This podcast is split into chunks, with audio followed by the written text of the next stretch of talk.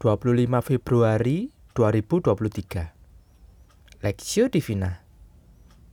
Yesaya pasal 6 ayat 1 sampai 13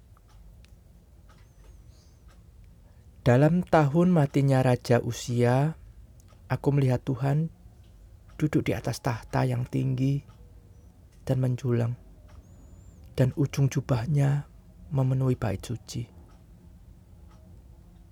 Para serafim berdiri di sebelah atasnya, masing-masing mempunyai enam sayap. Dua sayap dipakai untuk menutupi muka mereka. Dua sayap dipakai untuk menutupi kaki mereka. Dan dua sayap dipakai untuk melayang-layang. Dan mereka berseru seorang kepada seorang katanya. Kudus, kudus, kuduslah Tuhan semesta alam seluruh bumi penuh kemuliaannya. Maka bergoyanglah atas pin, alas ambang pintu disebabkan suara orang yang berseru itu dan rumah itu pun penuhlah dengan asap. Lalu kataku, celakalah aku, aku binasa, sebab aku ini seorang yang najis bibir, dan aku tinggal di tengah-tengah bangsa yang najis bibir.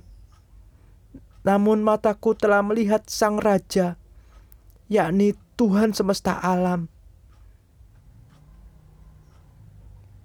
Tetapi seorang daripada serafim itu terbang mendapatkan aku. Di tangannya ada bara yang diambilnya dengan sepit dari atas mesbah. Ia menyentuhkannya kepada mulutku serta berkata, Lihat, ini telah menyentuh bibirmu.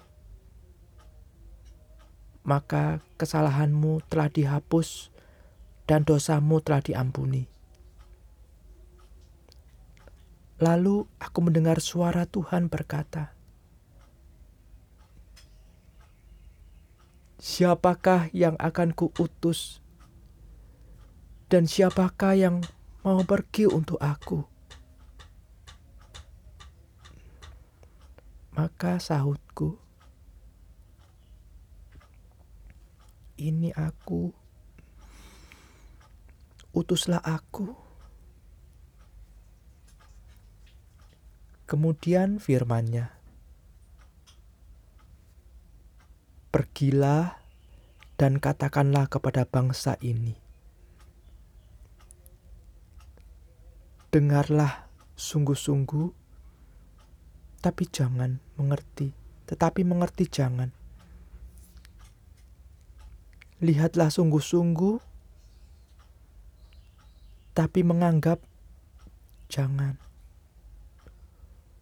Buatlah hati bangsa ini keras dan buatlah telinganya berat mendengar, dan buatlah matanya melekat tertutup, supaya jangan mereka melihat dengan matanya, dan mendengar dengan telinganya, dan mengerti dengan hatinya, lalu berbalik dan menjadi sembuh.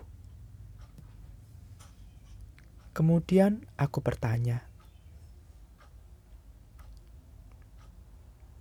"Sampai berapa lama Ya Tuhan. Lalu jawabnya,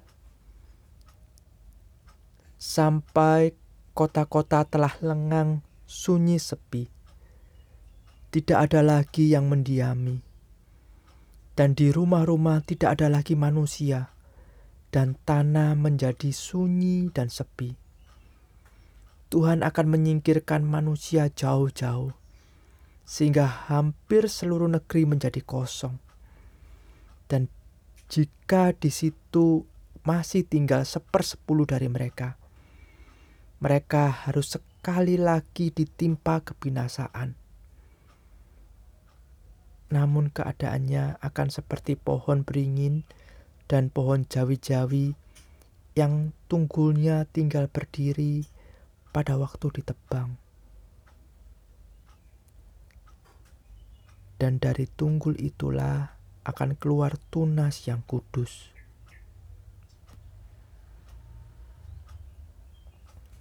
Suci, suci, suci. Perspektif. Dan mereka berseru seorang kepada seorang katanya, Kudus, kudus, kuduslah Tuhan semesta alam. Seluruh bumi penuh kemuliaannya. Yesaya pasal 6 ayat 3. Perikop ini dimulai dengan pertunjukan kebesaran Allah. Tahtanya besar, ujung jubahnya memenuhi bait suci. Bukan hanya dalam kebesarannya, Allah juga tampil dalam kehebatan dan kekudusannya. Yesaya melihat para serafim berdiri di sebelah atasnya. Menariknya, para serafim ini menggunakan empat sayapnya menutupi wajah dan kaki mereka. Ini disebabkan karena mereka pun tidak tahan kepada kemuliaan Allah. Luar biasa, para makhluk supranatural yang mulia ternyata juga tidak tahan dengan kemuliaan Allah.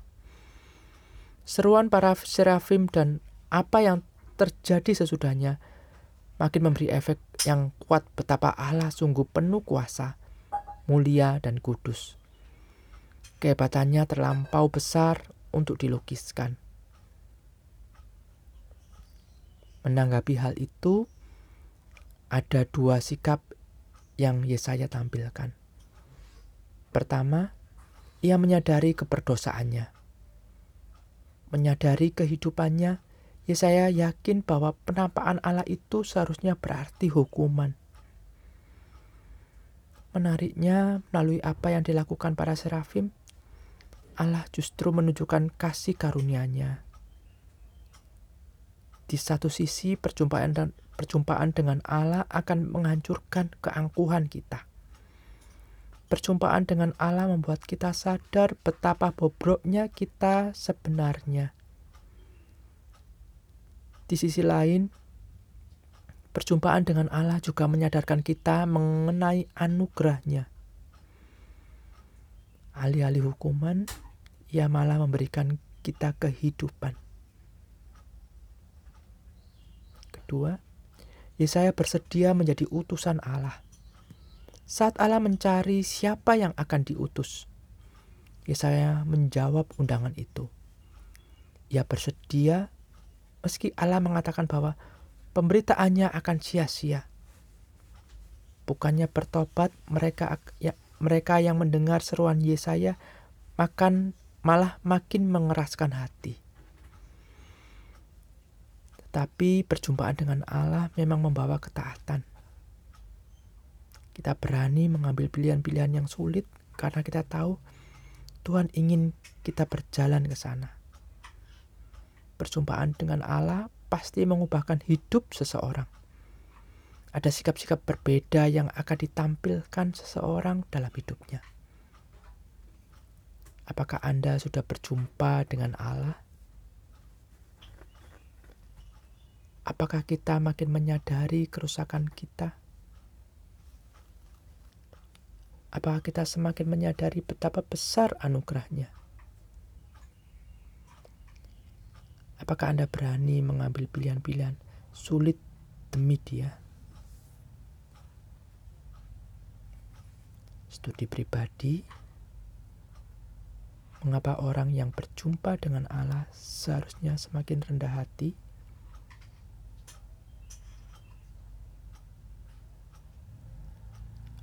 Apakah kerendahan hati merupakan satu-satunya tanda perjumpaan dengan Allah?